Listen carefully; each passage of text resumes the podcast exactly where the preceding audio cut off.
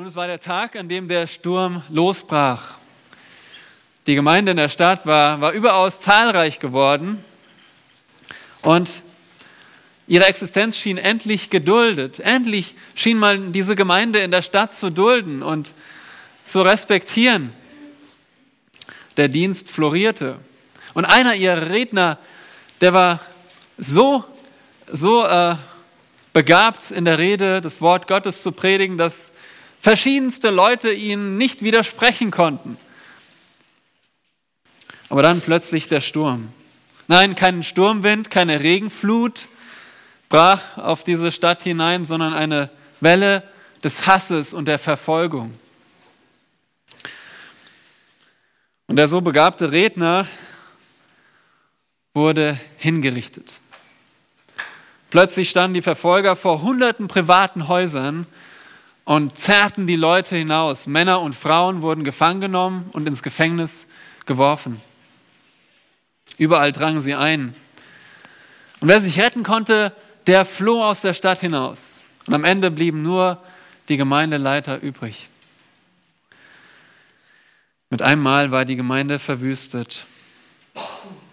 War das das Ende der Gemeinde? Nun, diese Gemeinde war nicht irgendeine Gemeinde. Diese Gemeinde war die allererste Gemeinde, die es überhaupt gab. Es war die Gemeinde in Jerusalem. Der Redner war Stephanus. Und Stephanus wurde hingerichtet und danach brach eine Welle der Verfolgung aus und geleitet von Paulus. Mit jüdischem Namen heißt er Saulus. War das das Ende der christlichen Gemeinde, diese Verfolgung, die ausbrach, ungefähr zwei Jahre nachdem die Gemeinde überhaupt gegründet worden war durch die Ausgießung des Heiligen Geistes? Nein, die Gemeinde wurde nicht verwüstet. Aber es war auch nicht die letzte Christenverfolgung. Nein, es war nicht die letzte. Und so haben wir 2000 Jahre jetzt hinter uns an Christenverfolgung. Nun, das ist eigenartig davon zu reden, weil wir das nicht am eigenen Leib in dieser Weise kennen. Und häufig merke ich, dass wir davon reden, ja, weißt du, bald könnte so eine Verfolgung unter uns ausbrechen. Und wir reden davon und merken an, dass, dass es stärker werden könnte. Und ich frage dich heute Morgen, wie geht es dir damit? Vielleicht ja, versuchst du diese Bedrohung einfach zu ignorieren. Du versuchst einfach nicht daran zu denken, dass eine solche Verfolgung auch in unserem Land ausbrechen könnte. Vielleicht aber denkst du darüber nach und du weißt nicht, wie du damit umgehen sollst, weil du hast diese, diese schrecklichen Vorstellungen von Verfolgung und es ist in deinen Augen wirklich diese schlimmste Katastrophe, die überhaupt passieren kann. Es wäre der Super-GAU, wenn eine Verfolgung ausbrechen würde. Es wäre vielleicht sogar das Ende dieser Gemeinde oder anderer Gemeinden in unserem Land. Nun, ich möchte dich ermutigen, weil die Botschaft heute Morgen lautet, das Christentum überlebt, egal was kommt. Schlagt eure Bibeln bitte auf bei 1. Petrus Kapitel 5. Das ist unser Text heute Morgen in 1. Petrus Kapitel 5, Vers 5 bis 11. Und ja, diese Stelle ist am Ende des Briefes. Wir haben es fast geschafft. Vor äh, zehn Jahren oder so habe ich angefangen. diesen Brief zu predigen und mit einigen Unterbrechungen sind wir so fast am Ende angekommen. Und der erste Petrusbrief, ja, ist gerade ein Brief an verfolgte Christen, verfolgte Christen in Kleinasien, in der heutigen Türkei. Und deswegen passt auch dieser Text zum Thema Verfolgung. Wahrscheinlich hat Petrus diesen Brief kurz vor oder kurz nach dem Brand in Rom geschrieben, als diese erste staatliche Christenverfolgung geschehen ist durch Kaiser Nero. Und wir haben gesehen in diesem Brief, dass Petrus zuallererst mit der Errettung anfängt und zeigt, hey, schaut auf euer großes Heil, das ihr habt in Gott. Seht, welche Folgen das für euer Leben hat. Wir können nicht irgendwie leben, sondern heilig sollen wir leben. Außerdem hat Petrus gezeigt, wie wir Gott ehren in dieser Zeit oder wie die Empfänger in Verfolgung Gott ehren, nämlich nicht durch Widerstand, sondern durch Unterordnung. Ordnet euch unter der Regierung, äh, in der Familie, am Arbeitsplatz. Das war seine Botschaft in diesem zweiten größeren Teil im Brief. Und jetzt sind wir im dritten und letzten Teil, wo es vor allem um seine Gemeinde geht, um Gottes Gemeinde. Wie, wie gehen wir als Gemeinde damit um? Innerhalb, wie gehen wir in unseren Beziehungen um, aber auch, wie, wie geht man damit um, wenn man verfolgt wird? Und so hat Petrus die Gemeinde angesprochen in diesem letzten Teil und wir haben beim letzten Mal gesehen, wie er die Ältesten angesprochen hat. Ihr seht das in Kapitel 5, Vers 1. Die Ältesten, damit sind nicht die äh, ja, an Jahren Ältesten gemeint, sondern tatsächlich die Gemeindeleiter, Ältester als Begriff für den Gemeindeleiter, für den Hirten oder die Hirten. Es sind mehrere nach Gottes Plan. Hirten, Aufseher, Älteste, das sind alles austauschbare Begriffe für, für eben diese Gemeindeleiter. Und zu denen hat er, die hat er ermahnt, das sehen wir in Versen 1 bis 4. Und jetzt geht es nahtlos weiter und Petrus spricht jetzt eine weitere Personengruppe an. Und da beginnt unser Text in Vers 5 und Gottes Wort sagt, ebenso ihr Jüngeren, ordnet euch den Ältesten unter. Ihr alle sollt euch gegenseitig unterordnen und mit Demut bekleiden. Denn Gott widersteht den Hochmütigen, den Demütigen aber gibt er Gnade. So demütigt euch nun unter die gewaltige Hand Gottes, damit er euch erhöhe zu seiner Zeit. All eure Sorge werft auf ihn, denn er sorgt für euch. Seid nüchtern und wacht. Euer Widersacher, der Teufel, geht umher wie ein brüllender Löwe und sucht, wen er verschlingen kann. Dem widersteht, fest im Glauben, in dem Wissen, dass sich die gleichen Leiden erfüllen an eurer Bruderschaft, die in der Welt ist. Der Gott aller Gnade aber, der uns berufen hat zu seiner ewigen Herrlichkeit in Christus Jesus. Er selbst möge euch, nachdem ihr eine kurze Zeit gelitten habt, völlig zubereiten, festigen, stärken, gründen. Ihm sei die Herrlichkeit und die Macht von Ewigkeit zu Ewigkeit. Amen. Man denkt, Petrus ist schon am Schluss und in gewisser Weise ist es so, weil jetzt folgt nur noch der abschließende Gruß. Hier ist so sein Hauptteil zu Ende. Und er kommt zu diesem Höhepunkt und gibt eine Reihe von eindringlichen Aufforderungen, die den verfolgten Christen in Kleinasien zeigen, wie sie geistlich überleben in dieser Zeit. Und diese Aufforderungen sind zeitlos, sie sind immer noch für uns heute genauso aktuell und anwendbar. Die Frage lautet, bist du heute Morgen bereit für jede Art von Bedrängnis?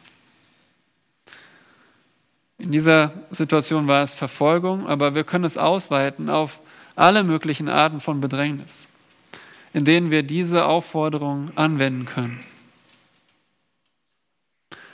Bist du bereit, jede Art von Anfechtung ins Auge zu blicken? Egal, was du dir vorstellst, egal, was über dich hier reinbrechen könnte. Bist du bereit dafür? Nun, dieser Text zeigt uns, wie wir bereit sein können. Und deswegen wollen wir vier Strategien lernen, um als Gemeinde in Bedrängnis zu bestehen. Vier Strategien, um als Gemeinde in Bedrängnis zu bestehen. Ihr seht, es geht um uns als Gemeinde. Natürlich bestehen wir als Gemeinde aus einzelnen Menschen, aber diese Befehle hier richten sich an nicht an den Einzelnen primär, sondern an die ganze Gemeinde. Deswegen, wir als Gemeinde sind angesprochen. Und das ist auch ganz logisch, weil niemand von uns kann in Bedrängnis alleine bestehen. Egal wie stark wir sind, wir brauchen einander. Petrus sagt, versucht es gar nicht alleine. Äh, Christsein ist kein Einzelkampf. Es ist ein gemeinsamer Kampf. Es ist genauso wie wenn du versuchen würdest, als einzelner Stürmer gegen eine elfköpfige Mannschaft anzutreten. Du kannst der beste Stürmer sein, der du willst. Du wirst trotzdem gegen diese Mannschaft verlieren. Oder du kannst nicht alleine auf 20 Kleinkinder auf einem Ausflug aufpassen. Geht nicht. Du kannst die beste Mutter sein, aber du schaffst es nicht. Genauso wir nicht. Wir können nicht im Bedrängnis bestehen, wenn wir auf uns alleine gestellt sind. Deswegen sind diese Befehle in der Mehrzahl. Und die Christen in Kleinasien, die erlebten äh, vor allem verbale Verfolgung, das heißt, sie wurden verleumdet, sie wurden verlästert, äh, sie taten Gutes, aber ja, die Menschen um sie herum haben sie als Übeltäter verleumdet, sagt der Brief. Sie wurden misshandelt für ihren Glauben. War nicht so, dass sie unbedingt jetzt reihenweise getötet wurden, aber das wäre ja schnell vorbei gewesen. Aber ständig diese verbale Lästerung, obwohl sie sich nichts vorzuwerfen hatten, aufgrund ihres Glaubens, weil sie Christen sind, diese zermürbende Verfolgung, die spricht Petrus an. Nun, ich weiß nicht, wie es dir geht, aber ich erlebe das nicht in dem Maß, bei weitem nicht, kaum, bis gar nicht. Aber wir als Gemeinde stehen auch gerade vor einer Herausforderung. Wir können sie auch als eine Art Schwierigkeit und Bedrängnis sehen, dass wir auf der Suche sind nach neuen Räumlichkeiten, dass wir uns fragen, wie geht es weiter mit der Gemeinde? Wir, wir achten und schätzen und ehren die Geschwister der ECG hier. Ich will nicht sagen, dass sie unsere Bedrängnis sind. Nein, aber für uns könnte es sich so anfühlen, dass wir nicht wissen, wie es weitergeht. Das könnte, könnten wir als Bedrängnis empfinden. Und deswegen ist dieser Text auch für uns heute so aktuell. Diese vier Strategien, um als Gemeinde im Bedrängnis zu bestehen. Die erste Strategie finden wir in Vers 5. Sie lautet, diene deinen Geschwistern. Diene deinen Geschwistern. Nur nach den Aufforderungen an die Ältesten in Versen 1 bis 4 kommen wir jetzt in Vers 5 zu der Aufforderung an die Gemeindeglieder. Und auch wenn ihr vielleicht nicht das Wort Dienst hier in dem Text seht, so will ich euch zeigen, wie das aus dieser Charaktereigenschaft entspringt. Welchen Charakterzug betont Petrus hier in diesem Vers? Es ist die Demut. Und wie wird Demut sichtbar? Nun, Demut wird sichtbar durch den Dienst füreinander. Da wird Demut sichtbar bewiesen im Dienst. Und darum diene deinen Geschwistern. Nun, wie beginnt der Vers? Äh, Petrus sagt, ebenso ihr Jüngeren. Also er spricht jetzt eine weitere Gruppe an und ebenso wie die Ältesten, so spricht er die Jüngeren an. Nun, wer sind die Jüngeren? Die Jüngeren sind hier vergleichsweise jüngere Männer, so wie es hier steht. Und warum spricht er die Jüngeren an? Nun, jüngere Männer sind am ehesten unabhängig gesinnt, sind am ehesten so ja, dynamisch und haben ihre Ideen und wollen vorangehen. Und Petrus sagt ihnen, ihr Jüngeren, ordnet euch den Ältesten unter. Wer sind die Ältesten? Nun, äh, der Kontext zeigt es uns. Damit sind die Gemeindeältesten gemeint. Und immer wieder hat Petrus zur Unterordnung aufgefordert in seinem Brief. Das ist die Kerncharakteristik der Christen in der Verfolgung. Würde man nicht denken, oder? Christen, die verfolgt werden, was machen sie vor allem? Sie ordnen sich unter. Damit zeigen sie, dass sie Gott ehren wollen.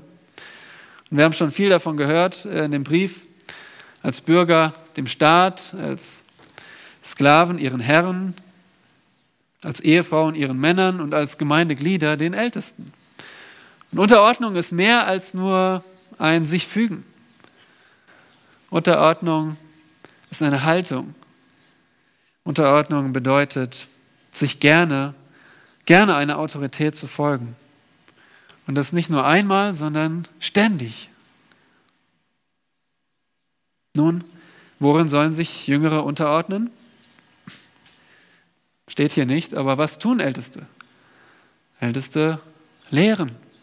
Älteste treffen Entscheidungen. Älteste führen Aufsicht.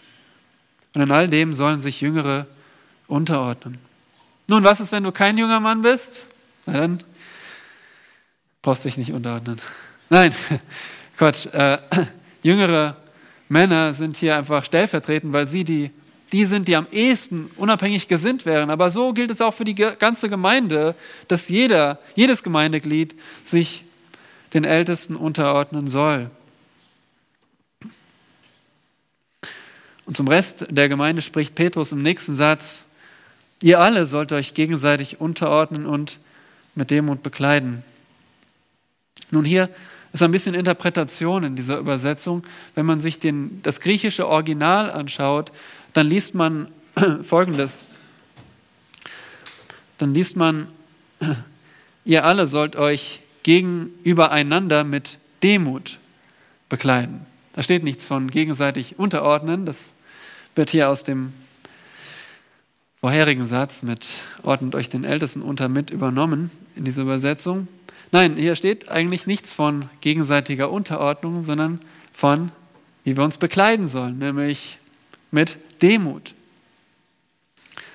Jeder von uns soll sich in Bezug auf den anderen mit Demut bekleiden. Und das Verb bekleiden beschreibt, wie jemand sich ein Gewand umwirft und, oder eine Schürze umbindet. Wie so ein Sklave. Also hier geht es tatsächlich um eine Kleiderordnung in der Gemeinde. Kennt ihr die schon? Der Dresscode für die Gemeinde? Er lautet Demut. Das ist eine innerliche Kleiderordnung. Und das soll, damit sollen wir äh, zur Gemeinde kommen, beziehungsweise wenn wir einander treffen. Wir sollen mit Demut bekleidet sein. Und was zeichnet diese Haltung aus? Nun, ihr kennt das aus Philippa 2. Demut ist die Gesinnung Christi. wie hat Christus gedacht? Habt diese Gesinnung in euch, die auch in Christus Jesus war? Und davor heißt es in Vers 4 in Philippa 2, ja, ein jeder schaue nicht auf das Seine, sondern auf das des anderen. Also Demut bedeutet, dass ich auf das, das Interesse des anderen schaue, dass ich mich zurücknehme, dass ich schaue, wie kann ich dem anderen dienen und Gutes tun. Das hat Christus getan. Er hat sich selbst äh, zurückgenommen, weil er hatte alle Herrlichkeit. Er brauchte nicht auf die Erde kommen.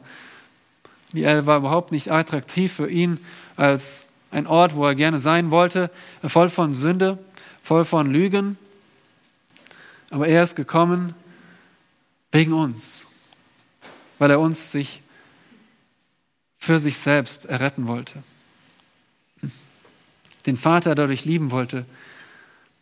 Und so ist es die Gesinnung Christi. Und warum sollen wir das tun? Warum sollten wir uns mit Demut bekleiden? Warum sollen wir demütig sein gegenübereinander? Nun, Petrus gibt uns eine Begründung. Das seht ihr an dem Wort denn, wenn ihr in eure Bibeln schaut. Vers 5 heißt es denn. Denn zeigt euch die Begründung. Weswegen soll ich denn überhaupt demütig sein? Weswegen ist das so wichtig? Gott widersteht den Hochmütigen, den Demütigen aber gibt er Gnade. Und diesen Grundsatz finden wir immer wieder in der Schrift. Petrus zitiert hier aus Sprüche 3, Vers 34 nach der griechischen Übersetzung. Aber wir finden es überall. Und heute Morgen haben wir gesehen, wir finden es zum Beispiel in Daniel, Kapitel 4, wie Nebukadnezar hochmütig wurde und von Gott gedemütigt wurde und Gras gefressen hat wie ein Tier. Das war das Demütigen ganz praktisch. So hat Gott ihn erniedrigt. Nun, deswegen sagt Petrus, wartet nicht auf Gott, bis er euch demütigt. Demütigt euch selbst. Ja, Hochmut ist unser ungeliebter Bekannter. Wir haben dem Hochmut die Freundschaft gekündigt als Christ, aber er steht immer wieder vor der Tür und klingelt. Nein, das war nicht mein Fehler. Er hat. Oder mir würde das nicht passieren. Oder? Alles muss ich alleine machen. Das ist Hochmut. Hochmut verachtet andere. Hochmut braucht nie Fehler zu bekennen. Und Hochmut braucht nie um Vergebung bitten. Und Gott widersteht den Hochmütigen. Das Verb bezieht sich auf das unveränderliche Handeln Gottes, so wie er immer ist, was er immer tut. Es gibt keine Ausnahme. Wenn du hochmütig bist, Gott wird dir widerstehen. Aber ganz anders gegenüber den Demütigen. Seht ihr den Kontrast? Aber, den Demütigen, aber gibt er Gnade. So wie Gott feindsam gegenüber den Hochmütigen ist, so ist er freundlich und wohlgesonnen den Demütigen. Er schenkt ihnen Gnade. Gnade bedeutet unverdiente Gunst. Und er schenkt Gnade jedem jungen Mann, der sich gerne unterordnet. Jedem Mann, der seine eigene Unwürdigkeit erkennt und jeder Frau, die ihre Abhängigkeit von Gott begrüßt. Und Gnade ist nicht nur unsere Errettung, sondern tagtäglich brauchen wir Gottes Gnade.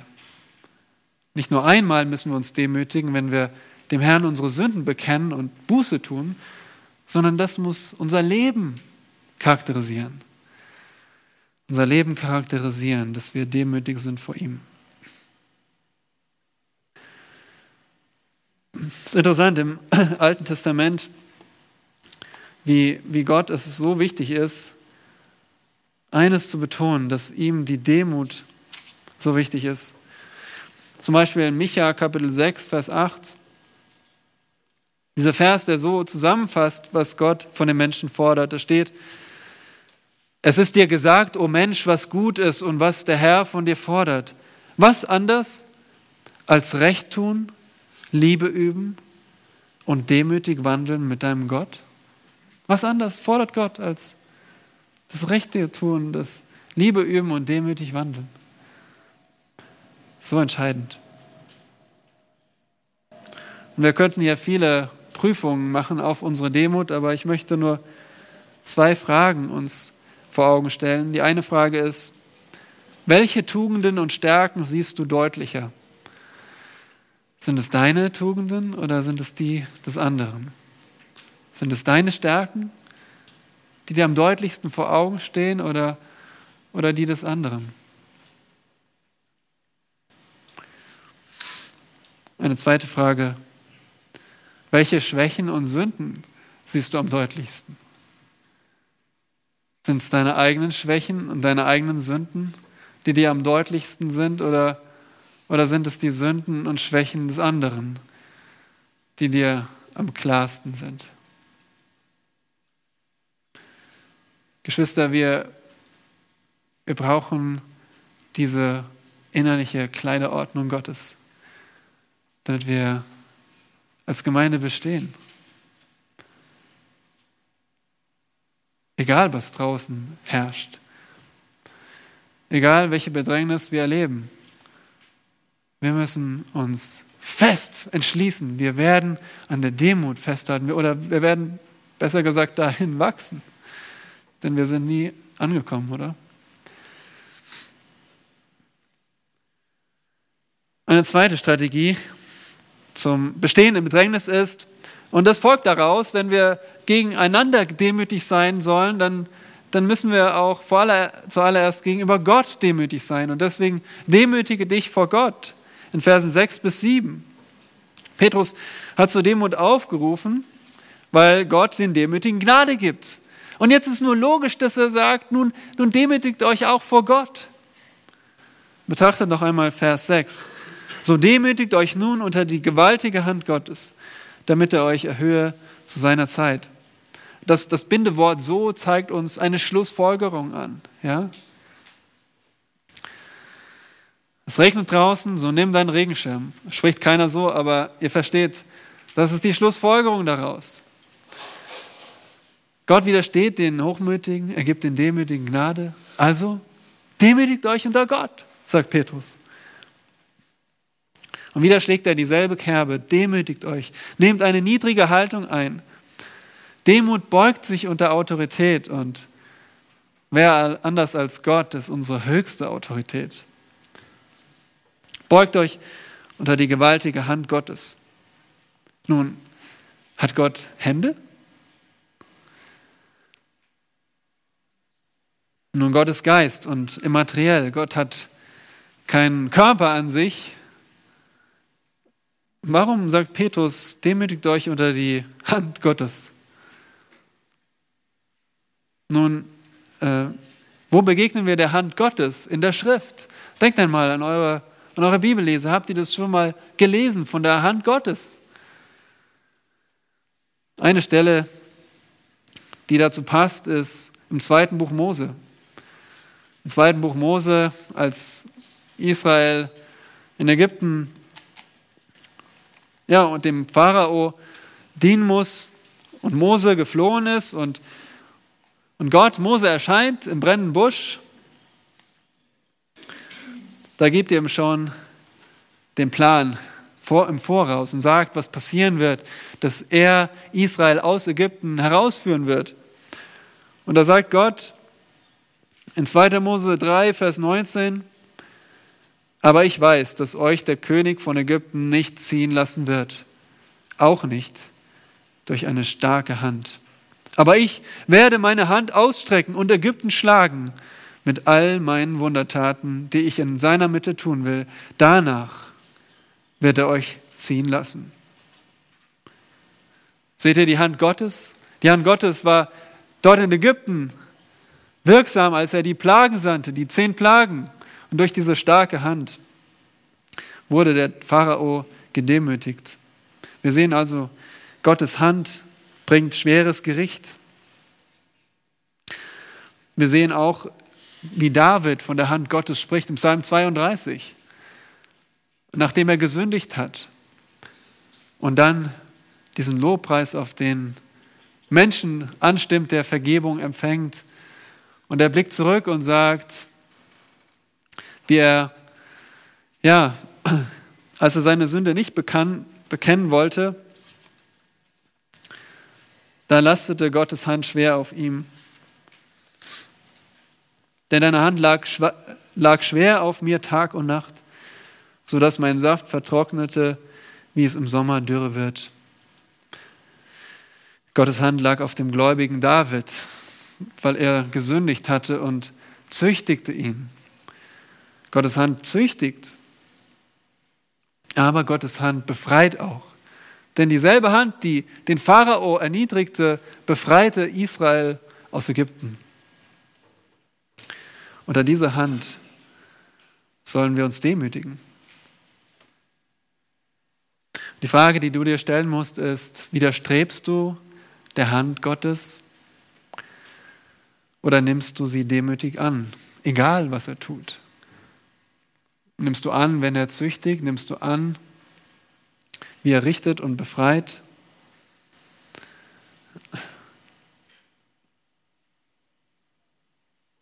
Petrus sagt, so demütigt euch nun die gewaltige Hand Gottes. Und wozu? Nun, hier steht damit. Damit zeigt uns den Zweck. Damit er euch erhöht zu seiner Zeit. Also ein Kontrast. Erniedrigt euch jetzt, damit er euch erhöht in der Zukunft. Entweder du erniedrigst dich jetzt und wirst erhöht, oder du erhöhst dich selbst und wirst erniedrigt am Ende. Diese Entscheidung hast du. Diese zwei Möglichkeiten gibt es. Und erhöhen ist hier bildlich gemeint. Das meint einfach die Ehre und Position und Macht zu erhöhen. Und wann tut das Gott? Nun, hier steht zu seiner Zeit. Wörtlich steht hier einfach zur Zeit. Nun, mit dieser Zeit ist ein, eine, bestimmte, eine bestimmte Zeit gemeint. In anderen Worten, nach Ablauf der rechten Zeit. Du fragst gleich weiter, wann wird das sein? Wann werde ich erhöht werden, wenn ich mich demütige? Morgen? Oder übermorgen? Und Petrus nennt uns kein Datum. Aber wenn wir seinen Brief lesen, dann lesen wir von einer bestimmten Zeit. Immer wieder richtet er ja seinen Sucher auf die lebendige Hoffnung. In Kapitel 1, Vers 7, schlagt mal diesen Vers auf, da spricht er davon, zunächst in Vers 6,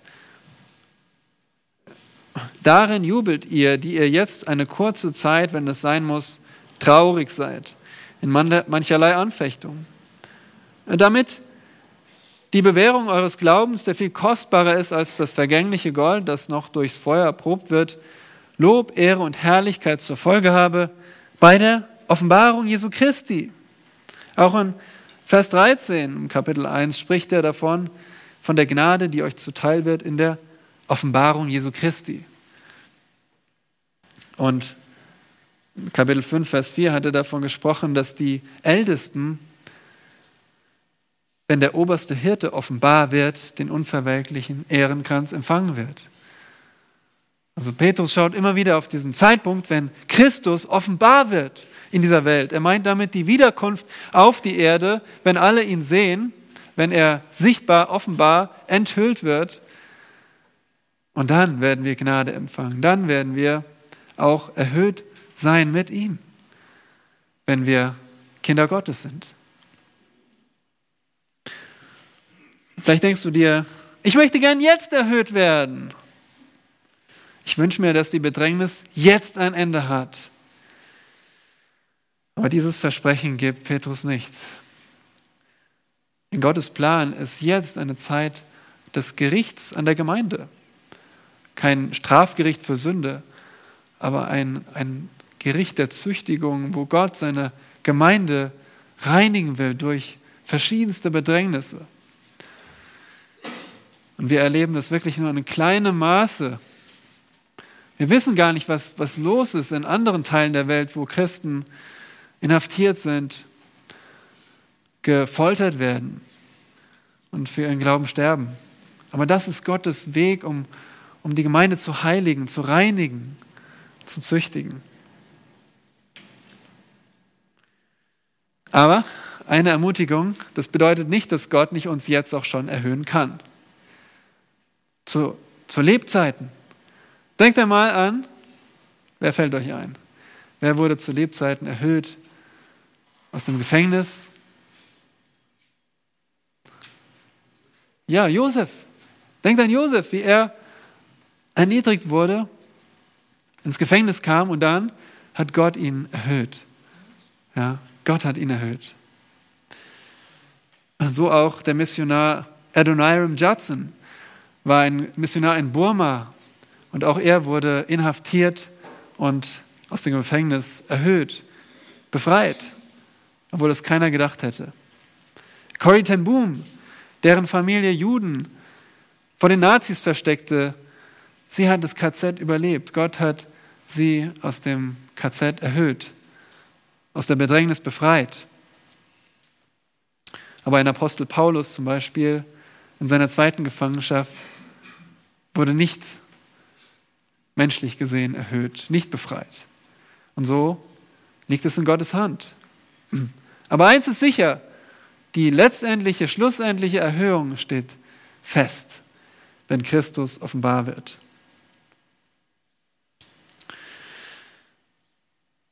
Ja, was, was bedeutet das für uns praktisch? Nun, Vers 7.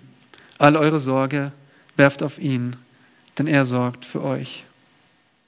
Es ist schön, wie diese Schlachterübersetzung, die ich hier lese, das so eindrücklich ausdrückt. All eure Sorge werft auf ihn, denn er sorgt für euch.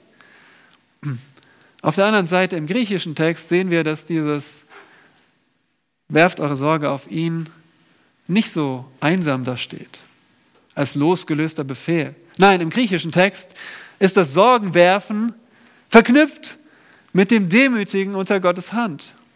In anderen Worten, wie die Elberfelder es sagt, so demütigt euch nun unter die gewaltige Hand Gottes, damit er euch erhöhe zu seiner Zeit, indem ihr alle Sorge auf ihn werft. Versteht ihr? Ob du dich unter Gott demütigst, erkennst du daran, ob du deine Sorgen auf ihn wirfst. Wenn du dich fragst, wie demütige ich mich denn unter Gottes Hand? Indem du die Sorgen auf ihn wirfst. Das ist der Weg, den Petrus uns hier zeigt. In anderen Worten, du kannst deine Sorgen nicht loswerden, wenn du nicht bereit bist, dich unter Gottes Plan und sein Handeln zu demütigen. Solange du innerlich dagegen ankämpfst. Warum passiert das? Warum ist das so? Warum kann es nicht anders sein? So lange wirst du deine Sorgen behalten. Aber da, wo du sagst, ich demütige mich unter deine Hand, ich beuge mich unter deinen Plan, da kannst du deine Sorgen auf ihn werfen. Und das können alle möglichen Sorgen sein. Die Sorgen der Briefempfänger waren vielfältig. Da waren Hausknechte, also Sklaven, die der Laune ihres Herrn ausgesetzt waren. Die konnten nicht irgendwann Feierabend machen, nach Hause gehen. Nein, die waren im Haus des Herrn, ständig ausgesetzt und haben sich gefragt, wie wird es morgen sein? Welche Laune wird mein Herr haben? Wird er mir das Essen verweigern? Werde ich mich morgen waschen können? Nun, das waren Sorgen. Oder die gläubige Ehefrau in Kapitel 3, Vers 1, die mit einem ungläubigen Mann verheiratet war. Und damals war die Frau, ihr Platz war zu Hause, ihr Platz war bei den Kindern. Der Mann hatte das Sagen, aber nicht im guten Sinne unbedingt. Der Mann ordnete an, wir gehen zum Opfer für die Götzen und ich verliere meine, mein Amt, ich verliere meine Stellung, wenn du nicht dabei bist. Das sind Sorgen. Was tue ich? Werde ich, werde ich gehen? Wie sollen meine Kinder Christus kennenlernen, wenn überall Götzenanbetung herrscht? Oder noch weiter die Frage, was wird Kaiser Nero als nächstes tun? Dagegen, ja, ist Angela Merkel oder Donald Trump sein Kindergeburtstag dagegen. Kaiser Nero. Was wird geschehen, wenn, wenn wir beim nächsten Opferfest nicht mitmachen? Werden wir den morgigen Tag wie soll ich den morgigen Tag überstehen, wenn ich wieder für meinen Glauben verlästert werde? Solche Besorgen meint Petrus. Und wie gehen wir mit diesen Sorgen um? Nun, braucht keine Drogen, braucht keine Therapie, braucht kein Yoga, ihr braucht kein Alkohol. Ihr braucht nur den Herrn. All eure Sorge werft auf ihn. Werfen ist, ist nicht ein Loslassen. Okay, ich lasse los. Nein. Werfen ist, äh, werfen! Du drückst es weg, sagt Petrus. Du wirfst es weg von dir auf Gott, so wie, wie ein Sandsack zum nächsten. Weg ist er. Und was motiviert dich? Nun, was steht hier in Vers 7? Denn er sorgt für euch. Warum wirfst du die Sorgen auf ihn? Weil er sorgt. Er sorgt für euch. Diese Sorgen ist hier andauernd und ständig. Gott, Gott sucht euer Interesse, sagt Petrus. Ständig. Er sorgt für euch. Und er hört nicht auf. Die Frage ist, Glaubst du das? Glaubst du, dass Gott für dich sorgt? Glaubst du, glauben wir, dass Gott für uns sorgt? David glaubte das. Und Petrus dachte wohl an den Psalm 55, den, den David inmitten von Bedrängnis schrieb. David hatte Bedrängnis von Feinden, aber diesmal war es nicht ein Fremder, sagt er, sondern ein Vertrauter.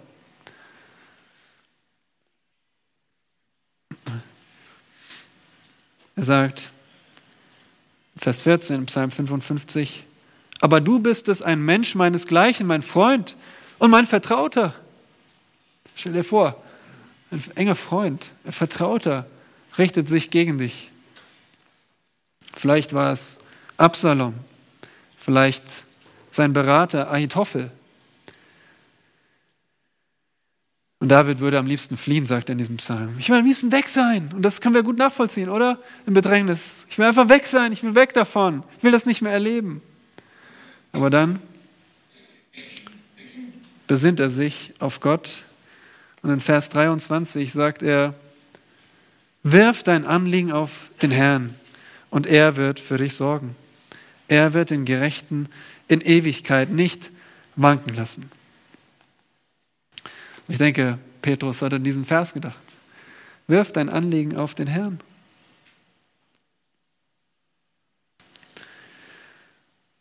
Und so die Frage, wie demütigen wir uns als Gemeinde vor Gott?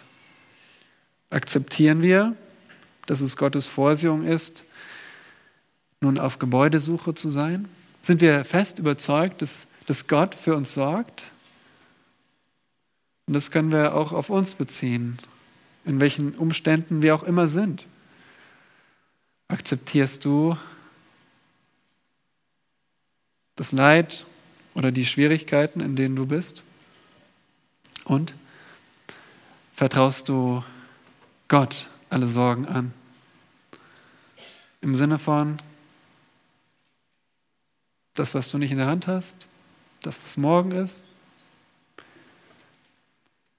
wo du nichts tun kannst, Du betest und lässt es sein. Du lässt Gott dafür sorgen. Und du beschäftigst deine Gedanken nicht mehr damit, sondern ja, übst ein bisschen Gewalt auf dich aus und sagst, nein, ich denke jetzt an das, was richtig ist, was wahr ist. Nun, was ist die dritte Strategie äh, zu bestehen? In Vers 8 bis 9, widerstehe dem Teufel. Wenn wir uns Bedrängnis, in Bedrängnis bestehen wollen, können wir nicht unsere Augen verschließen vor dem Feind. Und wer ist der Feind? Der Satan. Und drei Befehle tönen wie Warnsignale aus, diesem, aus diesen Versen. Der erste Doppelbefehl seht ihr in Vers 8, seid nüchtern und wacht. Beide hängen zusammen. Äh, wir haben das gestern in der Jugendstunde schon behandelt. Ihr kennt es gut. Jetzt äh, nüchtern zu sein heißt nicht berauscht zu sein, nicht berauscht von Alkohol, nicht unbeherrscht zu sein in Gedanken. Satan möchte, dass dein Denken eingelullt wird, dass dein Fokus abgelenkt wird, dass dein Sündenbewusstsein betäubt wird, dass dein Gewissen aufgeweicht wird und dass deine Gottesfurcht unterdrückt wird. Und all dieser Kampf spielt sich im Denken ab. Und Petrus sagt, seid nüchtern. Wehr dich. Sag, halt, stopp. Ich will nüchtern sein. Und wie? Gestern in der Jugend haben wir schon darüber gesprochen. Nur durch das Wort Gottes können wir nüchtern denken. Weil das Wort Gottes zeigt uns, was wahr ist, was Realität ist. Und nur wenn wir bei klarem Verstand sind, können wir auch wachsam sein, oder? Äh, ein betrunkener Soldat kann nicht wachsam sein. Deswegen müssen wir zuerst klar denken und dann können wir wachen. Und wovor sollen wir uns, äh, wovor sollen wir hier uns bereithalten? Was ist die Bedrohung? Denn, sagt Petrus in Vers 8, denn euer Widersacher, der Teufel, geht umher. Teufel ist bedeutet wörtlich der Verleumder, der Lästerer. Und hier sehen wir einmal mehr, dass diese sichtbare Welt nicht alles ist, was wir sehen. Das wahre Schlachtfeld spielt sich im unsichtbaren Bereich ab. Das, was wir vor Augen sehen, ist nur ein Bruchteil dessen, was in dieser Welt passiert. Diese Welt, diese Geschichte ist ein Krieg zwischen Gott und Satan ein ungleicher Krieg. Denn Gott ist Gott und Satan ist ein Geschöpf, ein gefallener Engel, der schon besiegt ist, der verurteilt ist und der in den Feuersee geworfen wird, aber jetzt noch Zeit hat und jetzt eine Schlacht, eine Schlacht tobt, eine Schlacht um Menschen. Und Petrus vergleicht diesen, den Teufel mit einem brüllenden Löwen auf der Jagd. Und wir kennen Löwen vielleicht aus dem Zoo. Vielleicht erinnerst du dich jetzt an das letzte Mal, wo du einen Löwen gesehen hast im Zoo. Nun, meistens hängen die da irgendwo rum und, und schlafen. Ich denke, die schlafen irgendwie 18 Stunden am Tag oder ich weiß nicht genau. Aber sie sind da meistens inaktiv im Zoo, werden gefüttert. Aber in freier Wildbahn, da sind sie Jäger und heutzutage kommen sie vielleicht nur noch in Afrika vor als freie, in freier Wildbahn. Zur Zeit von Petrus und in biblischen Zeiten lebte eine Unterart des Löwen auch in Israel, in Syrien und in Kleinasien, also auch da, wo Petrus äh, diesen Brief hinschreibt. Selbst die Menschen in Kleinasien konnten also einen Löwen kennen, schon mal gesehen haben. Und der Löwe ist interessant, ist ein Raubtier, das vom Jagen lebt, wie gesagt. Die Bibel macht es klar in Hiob 4, Vers 11 steht, der Löwe kommt um aus Mangel an Beute. Interessant. Also Löwen, äh, die sterben, die erste Todesursache, die oberste Todesursache ist Hunger, weil sie zu schwach werden, um zu jagen. Und deswegen treibt den Löwen der Hunger an. Er streift umher, er ist hungrig und er drückt es aus mit wiederholten und tiefen Brüllen. In Amos 3, Vers 8 heißt es, der Löwe brüllt, wer sollte sich nicht fürchten? Und so ist unser Feind, der Teufel. Er geht umher, das beschreibt seine Gewohnheit. Er ist rastlos unterwegs. Und wozu? Nun, er sucht, wen er verschlingen kann. Seine Gier richtet sich nicht auf Gazellen, sondern auf Gläubige. Der Teufel will uns verschlingen, steht hier. Verschlingen bedeutet nicht nur verwunden, sondern geistlich töten. Verschlingen bedeutet, du bist danach tot. Nun, welche Mittel verwendet der Teufel gegen uns? Das haben wir uns im Einzelnen schon angeschaut in der Satanologie. Wenn ihr zu den Bibelstunden zurückgeht, da haben wir das ausführlich behandelt. Deswegen werde ich das nicht alles nochmal aufrollen. Aber wir wissen, dass Satan vor allem durch ein Mittel wirkt. Durch ein antichristliches Weltsystem. Denn der Teufel kann nicht überall sein, aber er ist der Fürst dieser Welt. Und sozusagen hat er das, diese gottlose Welt im Griff.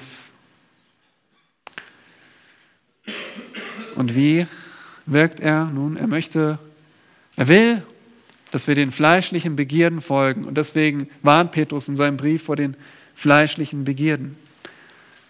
Auf der anderen Seite wirkt er durch feindliche Bedrängnis. Er ist derjenige, der will, dass Christen verfolgt werden. Er will, dass sie sich der Furcht hingeben, dass sie den Glauben aufgeben. Und das war auch schon damals so. Die Christen waren, sahen sich einem antichristlichen System gegenüber. Christen wurden damals als Anarchisten verurteilt.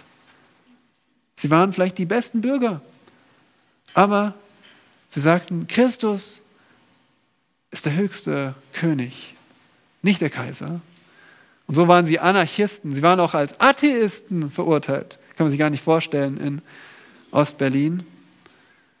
Damals waren die Christen Atheisten. Warum? weil sie an all die Millionen Götter nicht glaubten, die die Römer und Griechen anbeteten. Und so waren sie Atheisten, weil sie diese Götter ablehnten und nur einen Gott anbeteten. Ständig waren sie den Angriffen vom Weltsystem gegenüber und so auch wir heute. Was ist die Antwort? Dem widersteht, sagt Petrus.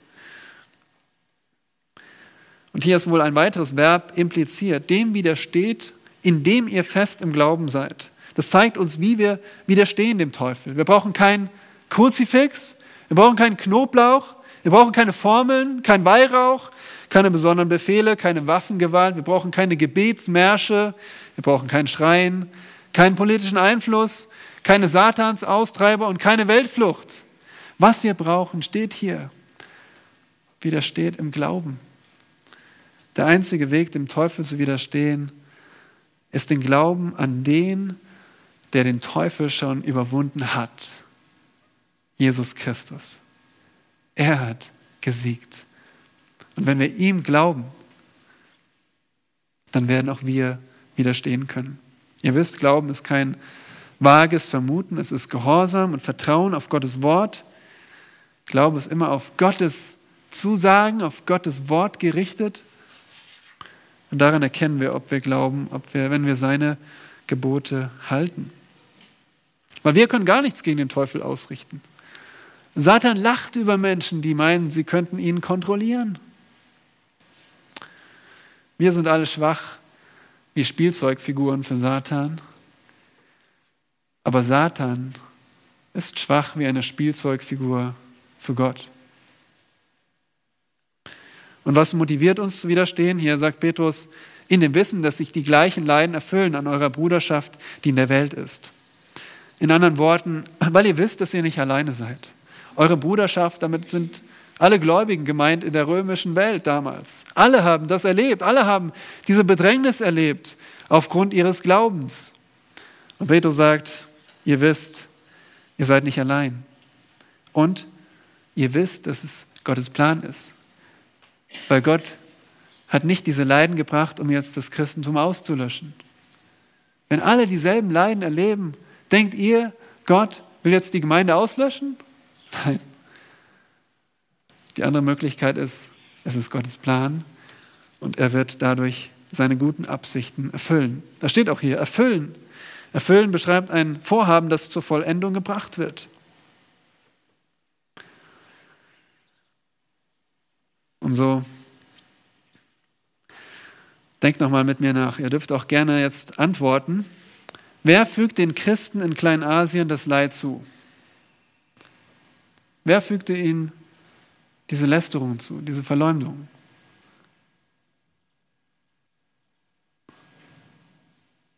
Wer war das?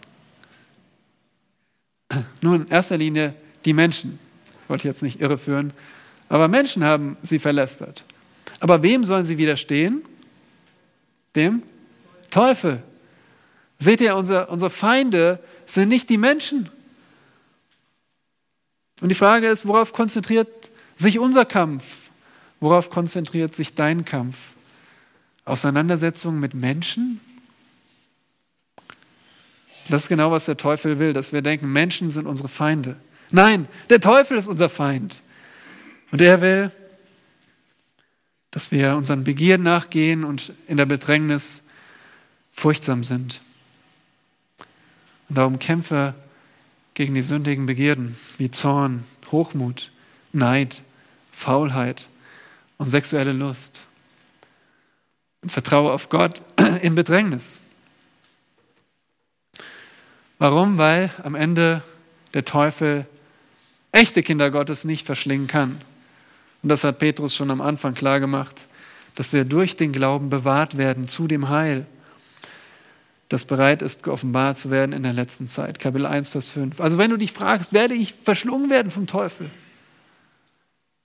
Die Antwort ist, wenn du echten Glauben hast, ist dein Heil schon bereit im Himmel. Das Heil geht nicht verloren und du auch nicht, weil Gott hat beides in der Hand.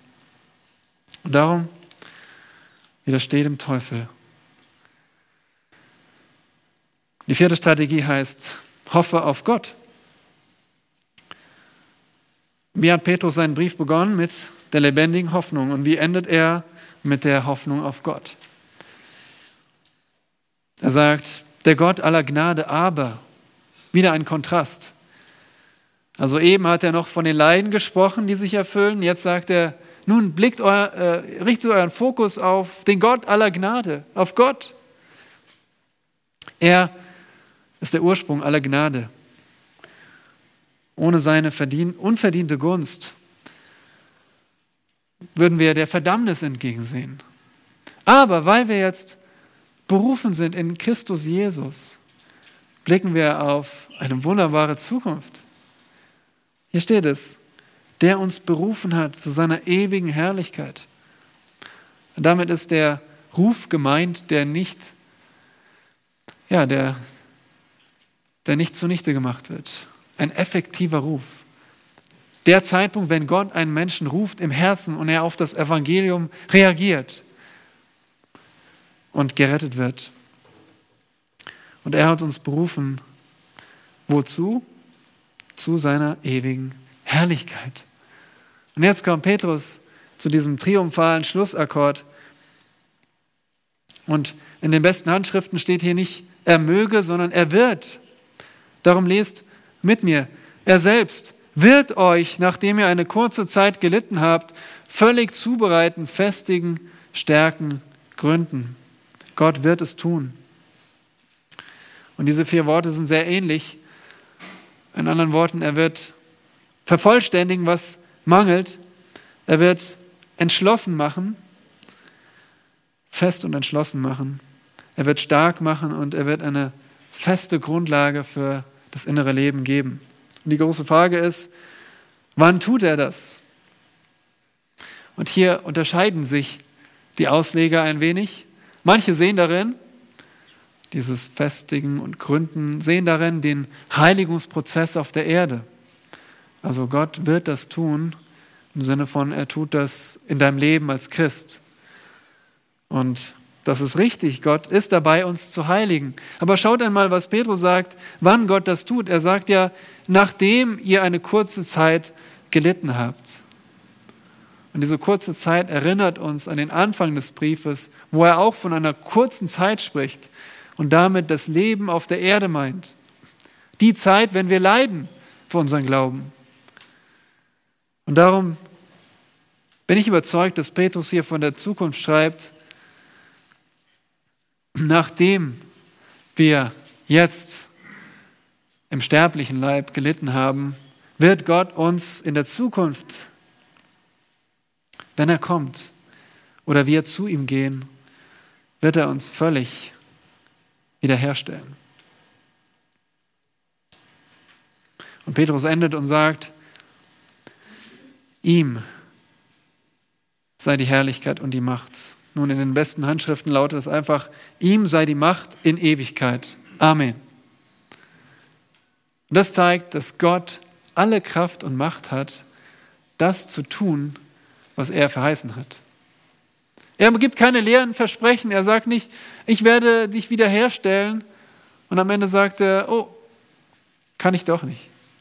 Nein, er ist nicht wie der, ähm, die Firma, das Unternehmen, das einen Auftrag, ja, ein Angebot macht und nachher gar nicht ausführen kann. Nein, Gott sagt, ich werde das tun und er kann es tun, weil ihm es alle Macht. Und Petrus gibt hier uns keinen direkten Befehl, aber er zeigt uns Gottes Plan. Und deswegen ist die Anwendung für uns, ja, hoffe auf diese Zukunft, die Gott hier beschreibt. Hoffen heißt erwarten, heißt daran denken. Das heißt, äh, wir können uns selbst prüfen. Denken wir überhaupt darüber nach, wie Gott uns in der Zukunft wiederherstellen wird, festigen wird, gründen wird? Hat es irgendeinen Raum in unseren Gedanken? Oder leben wir eher nur im Hier und Jetzt? Dann ist es kein Wunder, dass wir verzagen. Aber liebe Geschwister der Bibelgemeinde Berlin, verzagt nicht an eurem gegenwärtigen Zustand. Verzagt nicht an, auch, an, an eurer so geringen Kraft. Und verschätzt euch auch nicht, dass ihr unversehrt durchs Leben kommt. Denn uns ist vorhergesagt, dass wir Schwierigkeiten haben werden, dass wir für den Glauben leiden werden. Aber uns ist auch hier in diesem Text vorhergesagt, dass was immer wann immer wir geistlich verwundet werden, am Ende wird Gott uns völlig wiederherstellen. Er wird uns wieder völlig in den vollkommenen Zustand versetzen. Er wird uns ausrüsten mit einer sicheren Grundlage, fest gründen. Er wird uns um uns herum mit einer unumstößlichen Unterstützung sichern. Er wird uns mit aller Kraft stärken. Das ist, was Petrus hier verheißt, was Gott verheißt. Und das ist die Hoffnung. Wenn du ein Kind Gottes bist, ähm, was immer dir passiert, wie du auch immer geistlich verwundet wirst. Ich habe sogar gedacht an Menschen in der Kirchengeschichte, die am Ende ihres Lebens ähm, durch, weiß ich nicht, ob körperlich oder, oder seelisch, einfach wirr geworden sind im Kopf, vielleicht am Ende gar nicht mehr sie selbst waren. Das braucht dich nicht so furchtsam zu machen, weil hier steht, Gott wird dich am Ende völlig wiederherstellen. Er wird uns vollkommen machen. Egal, egal wie, ver, wie verwundet wir wurden, körperlich und geistlich. Im bekannten Lied Die Kirche steht gegründet von Samuel Stone, übersetzt von Anna von Wehling, lautet die dritte Strophe, verfolgt und angefochten in heißem Kampf und Strauß. Schaut nach der Offenbarung der Friedenszeit sie aus. Sie harrt, bis sich ihr Sehnen erfüllt in Herrlichkeit und nach dem großen Siegen beginnt die Ruhezeit. Das ist unsere Hoffnung. Amen.